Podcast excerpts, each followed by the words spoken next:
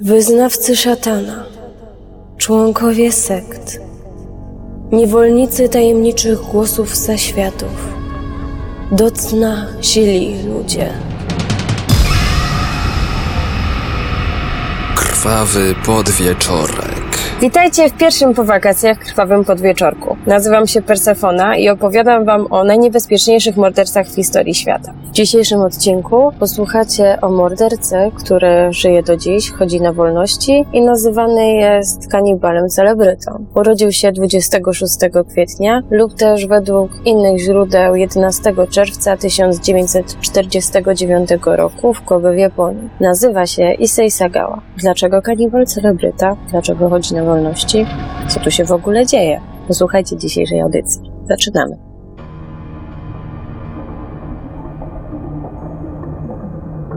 Rodzina Sagała była to bogata i bardzo szanowana rodzina. Państwo Sagała wychowywali swoje dzieci tradycyjnie, ale otaczali je miłością. Bardzo kochali swoich dwóch synów, tym bardziej, że Issei urodził się jako wcześniak i tym tłumaczono jego bardzo niski wzrost. Możecie sobie wyobrazić, jak czuje się człowiek, który w środowisku ludzi, którzy już ogólnie e, są bardzo niscy, sam jest jeszcze mniejszy. Issei Sagawa był bardzo blisko związany ze swoim bratem. Chłopiec e, był bardzo delikatny, słabowity, rodzice bardzo, bardzo, bardzo się nim opiekowali. Uważany był za inteligentne dziecko. E, Sagawa wspomina, że w dzieciństwie e, lubił bawić się ze swoim wujkiem. Zabawa polegała na tym, że dzieci uciekały przed wujem, natomiast on udawał kanibala, e, udawał, że wiąże ich, kiedy złapał dzieci i że wrzuca je do garka,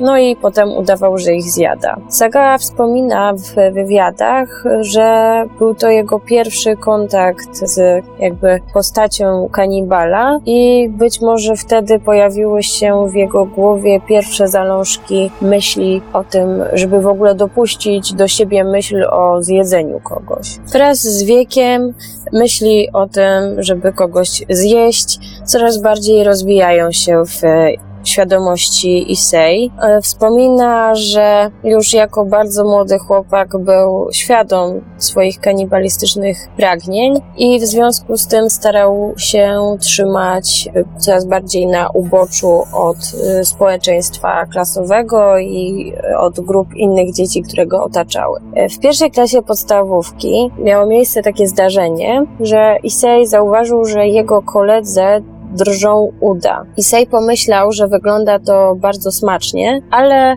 jakby następną myślą, która pojawiła się w jego głowie, było to, że przecież nie jest homoseksualistą. W gimnazjum kilka lat e, fascynował się Grace Kelly i dało to początek jego obsesji na punkcie ludzi i kobiet pochodzących z zachodu. Początkowo marzył tylko o tym, by gryźć e, ciała wysokich, postawnych kobiet, które pochodziły właśnie z krajów na zachód od Japonii. Issei uważa, że jego potrzeba zjedzenia człowieka podobna jest do normalnego popędu seksualnego zdrowej osoby i żeby powstrzymać ten apetyt, musi się onanizować. W wieku 20 lat często fantazjował na temat zachodnich piękności, ale wiązało się z tym również to, że on nie umiał rozmawiać z pięknymi kobietami, ponieważ bardzo go peszyły. Issei uważał, że jest mały i brzydki, więc podziwiał piękno. Wydaje się psychologom, którzy dzisiaj wypowiadają się na jego temat, że im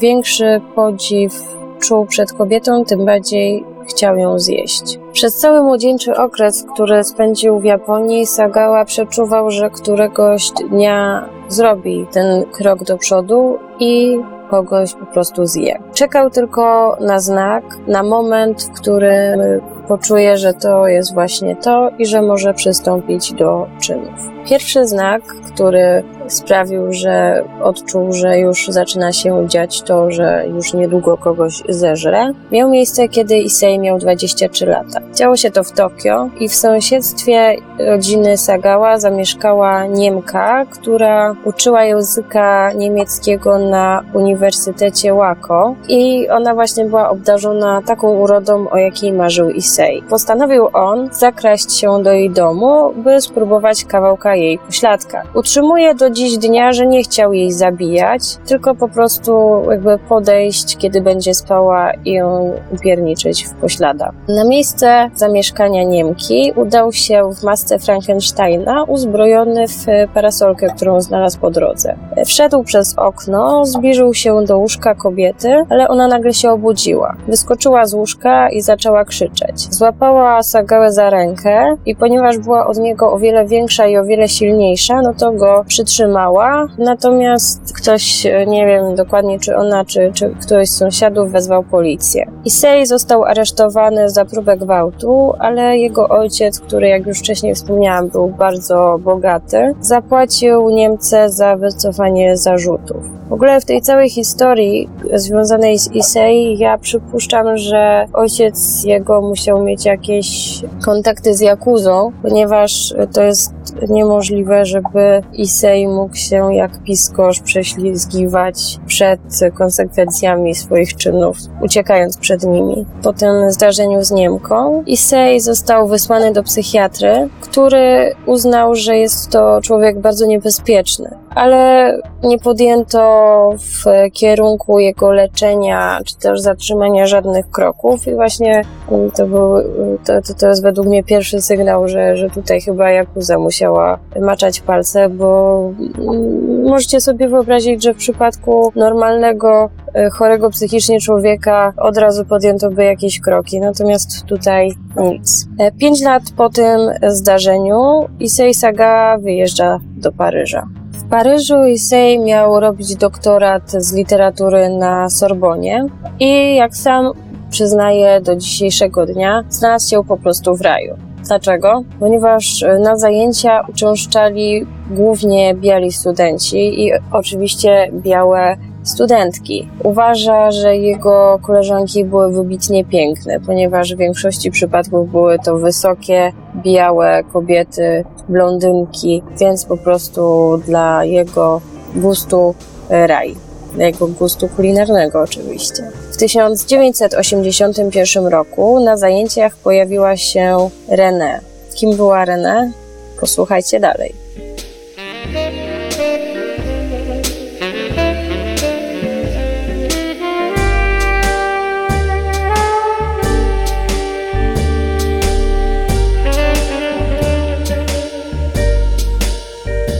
Dziewczyna zrobiła na Sagawie bardzo duże wrażenie. Uważał, że była niezwykle pociągająca.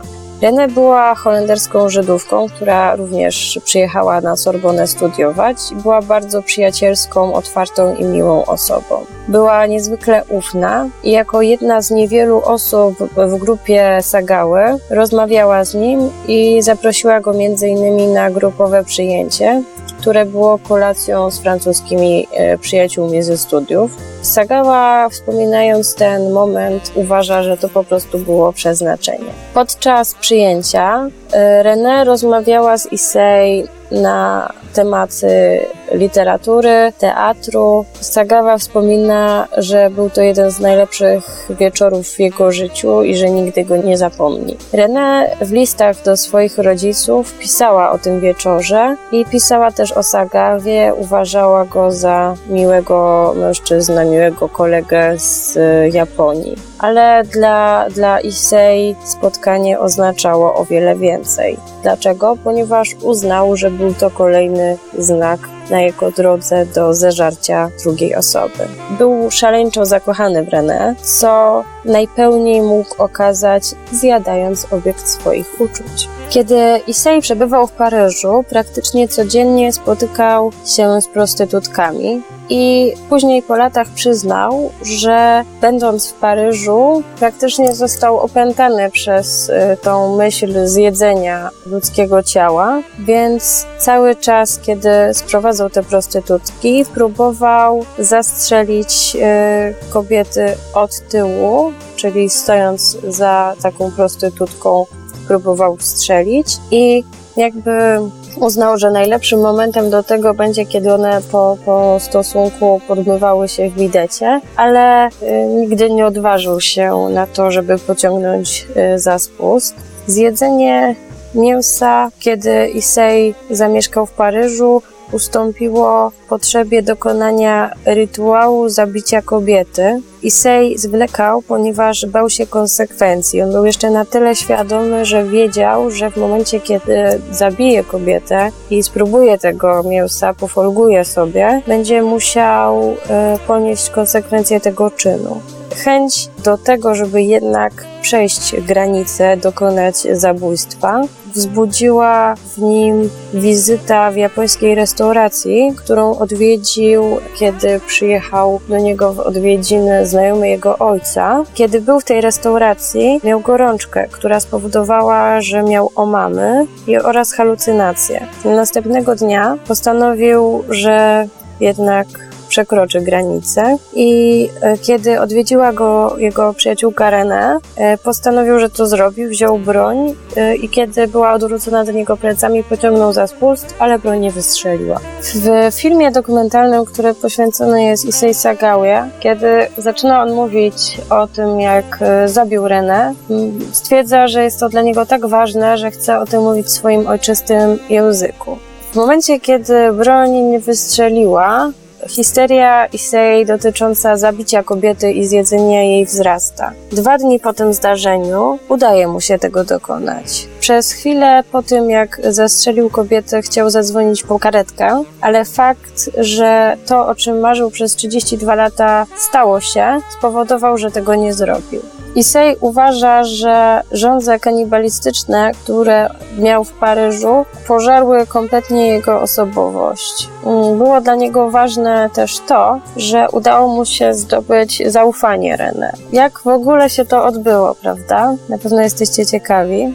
Więc Issei wykorzystał zamiłowanie René do języka niemieckiego i zwabił ją do swojego mieszkania pod pretekstem czytania niemieckiej poezji. Powiedział jej, że musi nagrać wiersz na zajęcia. To wszystko, co miało tam miejsce w tym mieszkaniu, było bardzo szczegółowo zaplanowane przez Issei, ale tylko do momentu, kiedy wystrzelił z pistoletu. Broń, której używał do tego, żeby wreszcie kogoś e, zamordować i potem go zjeść, była jakby najważniejszym punktem jego zbrodniczego planu. E, kupił ją parę miesięcy wcześniej, kiedy rządze już na tyle nim owładnęły, że był pewien, że, że, że chce to zrobić, tylko miał problem z przekroczeniem granicy pomiędzy niezabiciem a zabiciem. Issei e, już na etapie zapraszanych prostytutek wiedział, że musi tego dokonać w ten sposób, że musi stać za ofiarą. Uznał właśnie, że w przypadku René będzie najlepiej, jeśli będzie właśnie czytała te wiersze, o które ją poprosił, natomiast on zajdzie ją od tyłu.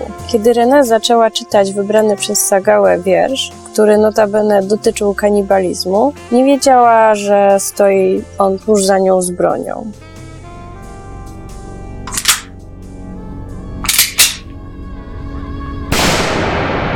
Na początku, kiedy już ją zabił, chciał spróbować pośladków, ale nie miał kompletnie pojęcia na temat anatomii ludzkiej. Myślał, że to będzie tak, że kiedy natnie ciało, mięso już będzie pod spodem. Oczywiście tak się nie stało. Sagawa wspomina, że po rozcięciu tkanki pojawił się tłuszcz, który wyglądał jak kukurydza. Życzę Wam teraz smacznego, mam nadzieję, że nic nie jecie. Kryjąc e, ciało nie czuł już żądzy i do dziś dnia ciężko mu opisywać ten stan. nie będę tego komentować.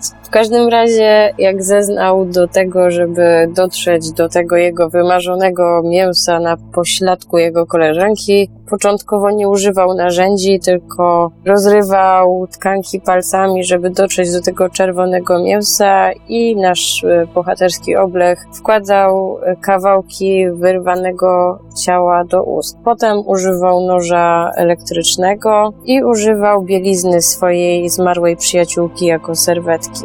Dziś twierdzi, że przez chwilę żałował, że ją zabił, ponieważ była jego przyjaciółką. Uważa, że nie chciał jej zabić, tylko spróbować jej mięsa, co no, równoznaczne jest po prostu z potwierdzeniem jego choroby psychicznej, bo przecież gdyby nie chciał jej zabić, to by jej nie zastrzelił. Ale Sagała twierdzi, że po prostu nie byłoby to wykonalne, gdyby jej nie zabił, chociaż bardzo żałuje, bo marzy najbardziej o tym, żeby zjeść osobę, która jest jeszcze żywa, smacznego. Następnie, po tym jak już zeżarł sobie ten wymarzony fragment y, ciała kobiecego, dokonał aktu nekrofilii, y, wyznając raz po raz zwłokom miłość i właśnie już wtedy był w pełnej euforii. Po 48 godzinach postanowił pozbyć się ciała, lecz zanim to się stało, powykrawał sobie e, co jego zdaniem smaczniejsze kawałki René, żeby mieć na później. Po upojnych 48 godzinach, które spędził ze zwłokami swojej zamordowanej przyjaciółki, Issei postanowił pozbyć się ciała. Do tego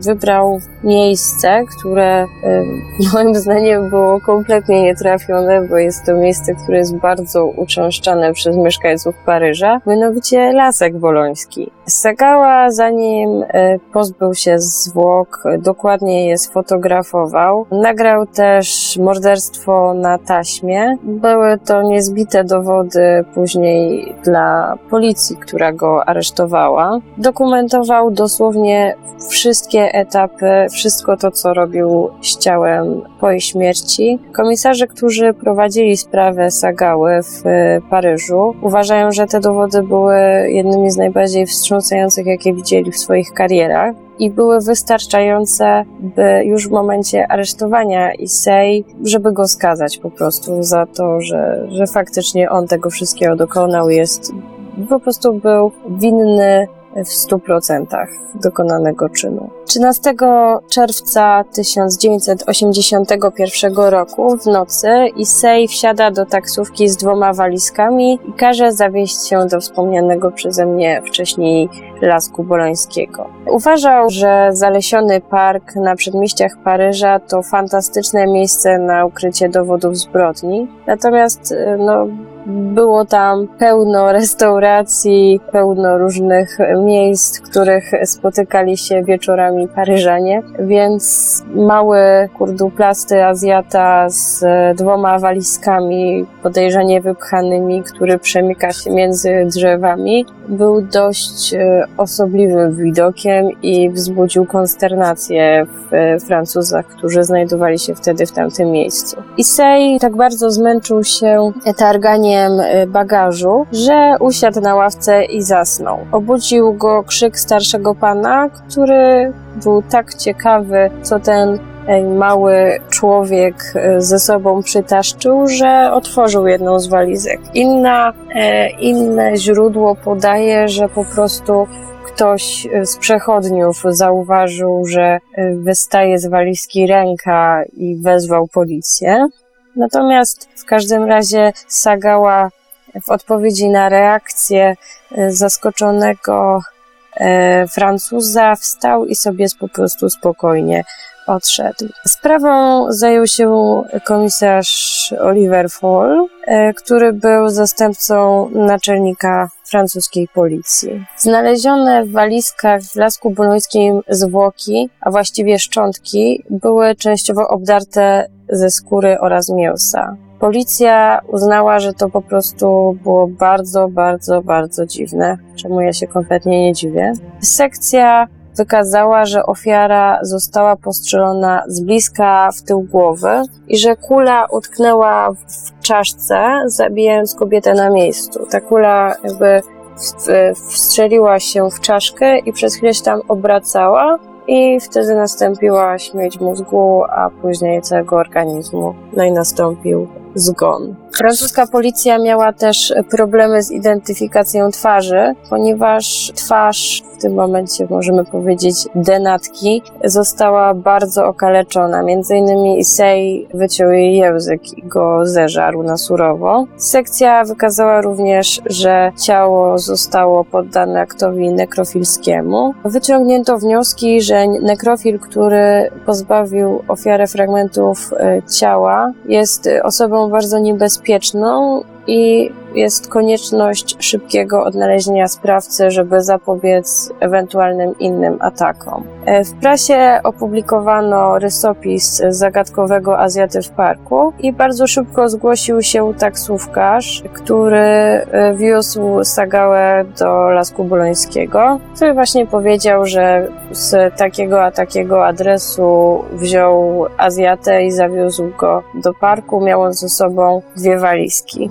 W ciągu 48 godzin od odnalezienia walizek Issei Sagawa zostaje aresztowany pod swoim mieszkaniem. Policjanci wspominają, że jeden z nich złapał go od tyłu, a drugi poinformował, że jest zatrzymany, a mężczyzna od razu przyznał się do zabicia młodej kobiety.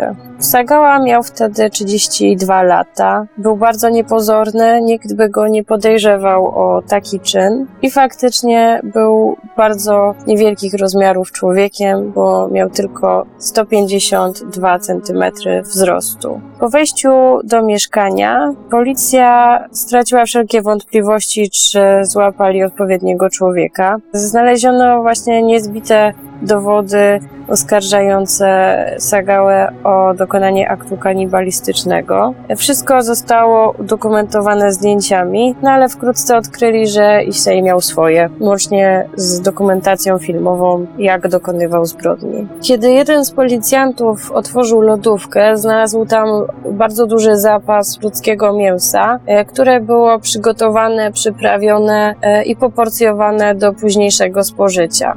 Znaleziono też e, już przygotowane na patelni e, kawałki tkanki ludzkiej, przyprawione musztardą, czyli jednym słowem smakosz. Znaleziono też w mieszkaniu dowód osobisty, który pomógł zidentyfikować ofiarę, którą była właśnie René, 25-letnia Holenderka pochodzenia żydowskiego. Dziś Sagała na pytanie, dlaczego ją zabił, powiedział, że nie było innego wyjścia. Nie chciałem zabić, ale nie było innego sposobu, żeby spróbować jej mięsa. Postanowił ją zjeść, bo była piękną, młodą, seksowną dziewczyną. I kiedy został złapany, kiedy podano to do wiadomości publicznej, cała ta sprawa wywołała w społeczeństwie przerażenie i niedowierzanie. Po przeprowadzeniu Sagały na komisariat, kiedy zaczął składać zeznania, robił to bez żadnych oporów. Opowiadał wszystko ze szczegółami. Było, y, jego zachowanie było zaskakujące dla policji, bo po prostu nic nie zostało przed nimi zatajone. Był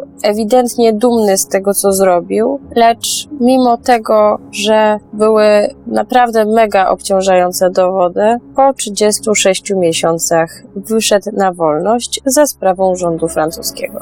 Dlaczego tak się stało? No, właśnie dlatego, że we Francji oskarżony o sprawę kryminalną musi być poddany badaniom psychiatrycznym. Jest taki zapis we francuskim kodeksie karnym. Sagała był badany przez rok. Według raportu, który został potem napisany, mężczyzna ma kompletną, stuprocentową obsesję na punkcie swojego wzrostu. Ma kompleksy oraz jest przewrażliwiony. O całym akcie, morderstwie, yy, nekrofilii i tak dalej, kanibalizmie opowiadał kompletnie beznamiętnie. Aby popełnić taki czyn, trzeba być kompletnie wyrzutym z emocji, nie mieć wyrzutów sumienia, ani nie czuć kompletnie żadnego żalu. Wzięto pod uwagę dzieciństwo Sagały oraz to, że chciał porzucić zwłoki w miejscu publicznym. E, w efekcie całych tych badań uznano, że jest on chory psychicznie i nie może stanąć przed sądem we Francji, e, ponieważ we Francji nie sądzi się chorych psychicznie. E, rodzina dziewczyny oczywiście nie zgadzała się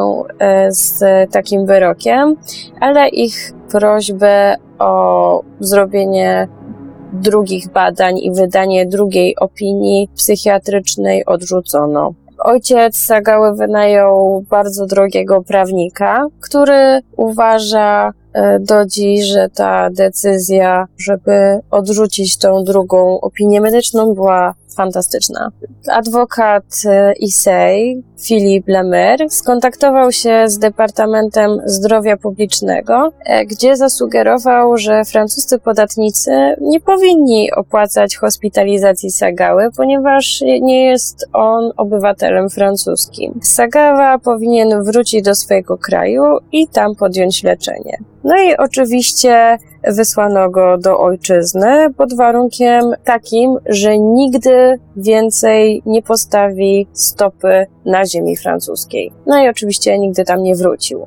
E, ponieważ po aresztowaniu Issei e, jego zdjęcie pojawiło się we wszystkich francuskich i japońskich gazetach, został on jakby osobą w pewien sposób publiczną. Media, jak to media, oczywiście zafascynowały się faktem, e, że nie dość, że zamordował swoją koleżankę, to potem ją zeżarł i jeszcze się chwali, że to zrobił. W związku z czym, kiedy Issei wylądował na lotnisku w Japonii, znalazło się tam bardzo dużo e, paparazzi i, i dziennikarzy.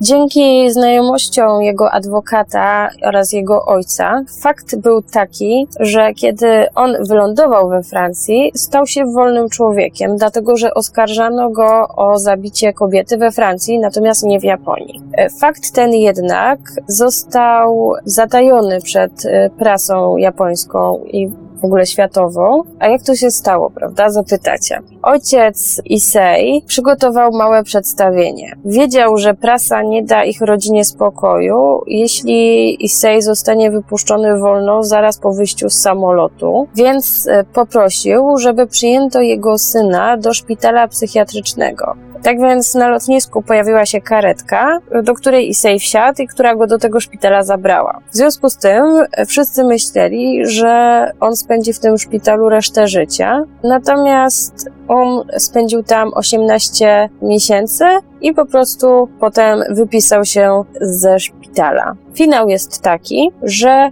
za zabicie młodej kobiety i zeżarcie jej, zbez, zbezczeszczenie jej zwłok, nie spotkała go absolutnie żadna kara i uważa się do dnia dzisiejszego, że jest to jeden z największych skandalicznych błędów systemu karnego. Na pewno jesteście ciekawi, jakie są dzisiaj efekty tego wszystkiego. Do dnia dzisiejszego Issei Sagawa nie znajduje się pod żadnym nadzorem medycznym ani prawnym. Mieszka sobie e, wygodnie na jednym z tokijskich osiedli. Zmienił imię i nazwisko, nazywa się teraz Shin Nakamoto. Szukałam jego profilu na Facebooku, ale go nie znalazłam. Być może y, trzeba to napisać y, po japońsku, niestety trzeba wiedzieć, jakimi znakami on się tam zapisuje. Niestety nie posiadam japońskiej klawiatury, więc nie udało mi się, ale może komuś z Was się uda. Sagawa mówi, że lubi muzykę klasyczną, szczególnie Beethovena, którego życie podziwia i którego życie go pasjonuje. Co jest dziwne, bo Beethoven nie był kanibalem. E, jest bezrobotny, mieszka samotnie. Codziennie odprawia rytuał poświęcony zmarłym rodzicom. Jego rodzice nie żyją. Matka próbowała popełnić samobójstwo po tym, jak wyszło na jaw to, co Issei zrobił. Ojciec musiał zwolnić się z pracy, ponieważ e, spotkały go bardzo duże nieprzyjemności. Issei wspomina dzisiaj, że rodzice byli dla niego bardzo surowi, jeżeli chodzi o seksualność e, i myślał, że od nich ucieknie jadąc do Paryża.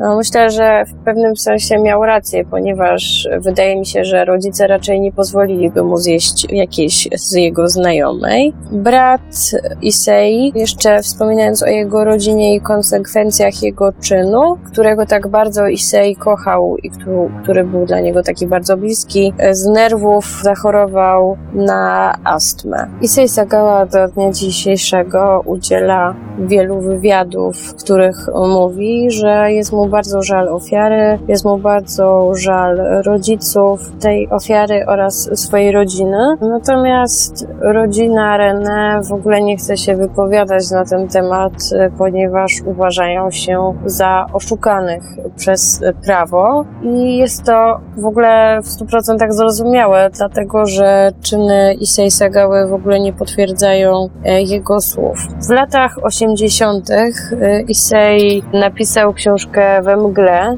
którą opublikował e, wbrew swojej rodzinie. Jest to opis zbrodni napisany w pierwszej osobie.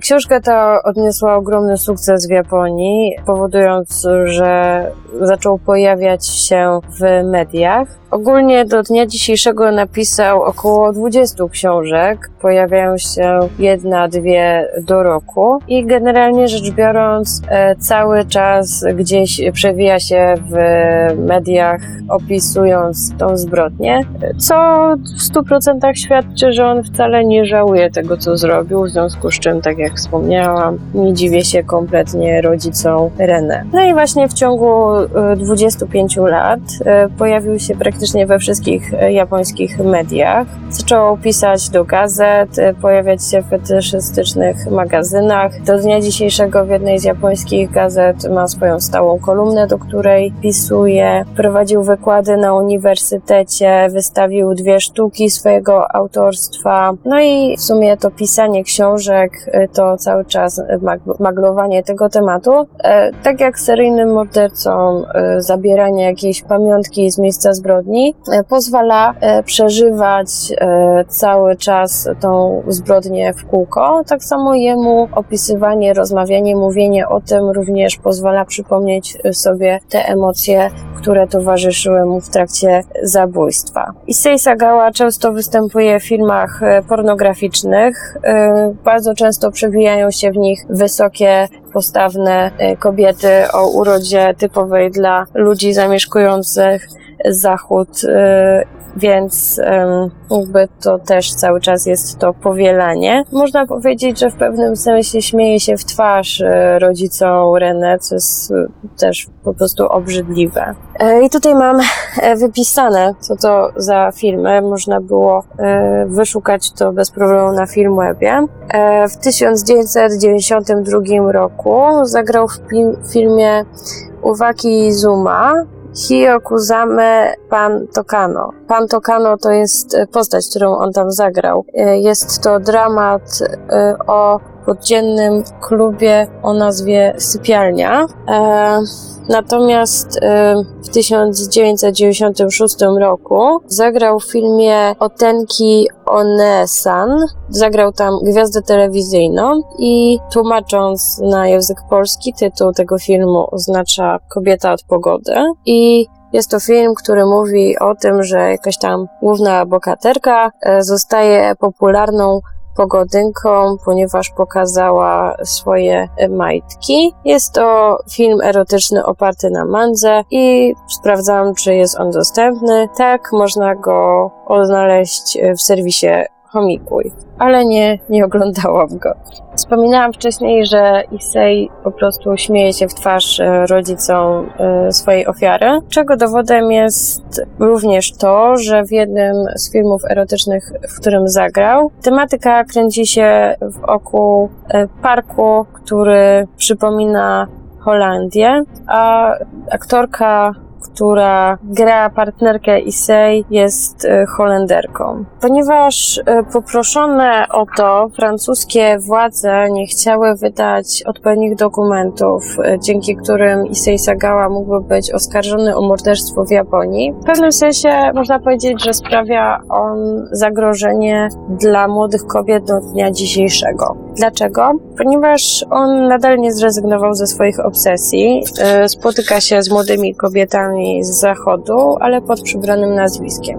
Przyznaje się do tego, że jeździł z nimi na wakacje, że ma koleżanki z Austrii, Kanady, zwiedzał z nimi y, różne kraje. No i właśnie chodzi o to, że mimo tego, że on jakby głośno cały czas o tym mówi, władze japońskie w ogóle się nim nie interesują. Twierdzi on natomiast, że po pierwsze pierwsze, obecnie nie interesują go białe kobiety i że teraz y, jakby kulinarnie interesują go Japonki. Dodatkowo uważa, że nie mógłby uczynić y, obiektem swoich y, kulinarnych fantazji kogoś, kto jest przez niego spersonifikowany, czyli osoby bliskiej i właśnie dlatego, kiedy przebywał w Paryżu, jakby jego pierwszym obiektem, który miał stać się jego obiadem, były prostytutki. Uważa, że tak jak y, zdrowemu mężczyźnie podoba się kobieta i że taki mężczyzna chce być jak najbliżej takiej kobiety, całować ją, przytulać i tak dalej, dla niego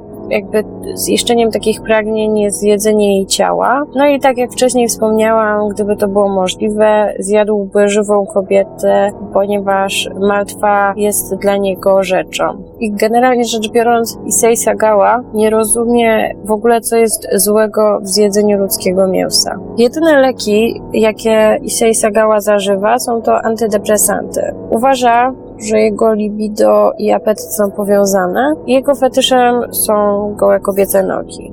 W okolicach czerwca odczuwa najbardziej nasilone skłonności, ponieważ kobiety noszą wtedy najmniej ubrania na sobie i osłaniają ciało. Jego największym marzeniem jest zjedzenie jeszcze kogoś przed śmiercią, co w kontekście tego, że władze Japonii kompletnie się nim nie interesują, uważam za kuriozalne. Fantazjuje o tym, w jaki sposób przyrządziłby mięso kobiety, którą chciałby zjeść. Chciałby, żeby to było danie przyrządzone w stylu sukiyaki lub shabu shabu. Shabu shabu, znaczy nie wiem, czy to się tak wymawia, ale tak mi się wydaje. Jest to gotowane mięso, które jest cięte w bardzo cienkie paseczki. Podczas jednego z udzielanych e, wywiadów e, dla magazynu Vice, który przeprowadzał Issei Sagawa redaktor naczelny, Issei e, zapytał się, czy mógłby redaktor zamieścić w magazynie magazynie ogłoszenie, że szuka chętnych do zjedzenia ludzi pod warunkiem, że będą to młode, piękne kobiety. Uważa, że jeśli mu się uda jeszcze kogoś zjeść, umrze w 100% spełniony i że potem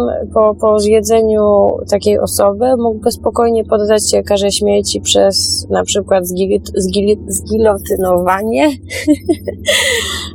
lub powieszenie. E, Issei twierdzi, że ludzkie mięso jest bardzo dobre i że nie mówi się o tym, żeby nie łamać społecznego tabu. E, bez problemu mówi o tym, że zdarzyło mu się też pić ludzki mocz ze smakiem, życzę smacznego. Fantazuje też o tym, aby zabiła go piękna kobieta, ale nie chciałby umrzeć śmiecią natychmiastową, ponieważ uważa, że jest to nudne. Chciałby smakować ten fakt bycia zabijanym i ewentualnie mógłby się też y, utopić w kobiecej ślinie. Do dziś dnia żałuje, że nie dał swoim rodzicom wnuków, i uważa, że byłoby łatwiej, gdyby go skazano na karę śmierci, bo jest dla niego bardzo ciężkim żyć jako społeczny wyrzutek.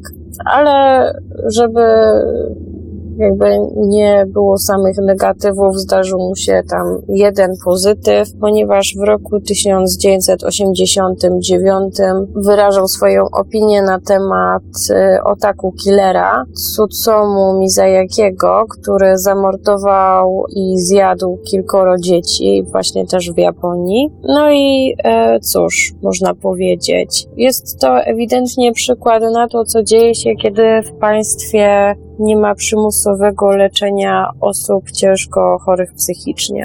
Według jednego z najlepszych japońskich psychiatrów, Sagawa może nie umie tłumić swoich prymitywnych pragnień seksualnych, co mogło być spowodowane przez nadopiekuńczych rodziców. Jednak jest to maniakalny, seksualny psychopata, który jest jednym z najniebezpieczniejszych ludzi w Japonii. Być może cierpi też na depersonalizację e, i nie uważa zbrodni, której dokonał za realne zdarzenie. Też przerażającym jest to, że traktuje innych jak przedmioty. No i cóż, jestem ciekawa Waszych opinii na temat Issei Sagały, tego, że udało mu się uniknąć konsekwencji swojej zbrodni. No i to tyle na dzisiaj. I pamiętajcie, są prostsze sposoby na zostanie celebrytą. Trzymajcie się. Cześć. Wyznawcy szatana, członkowie sekt, niewolnicy tajemniczych głosów zaświatów, do cna źli ludzie. Krwawy podwieczorek. Jeśli chcesz o coś zapytać, skontaktuj się ze mną na forum Radia Paranormalium pod adresem paranormalium.pl.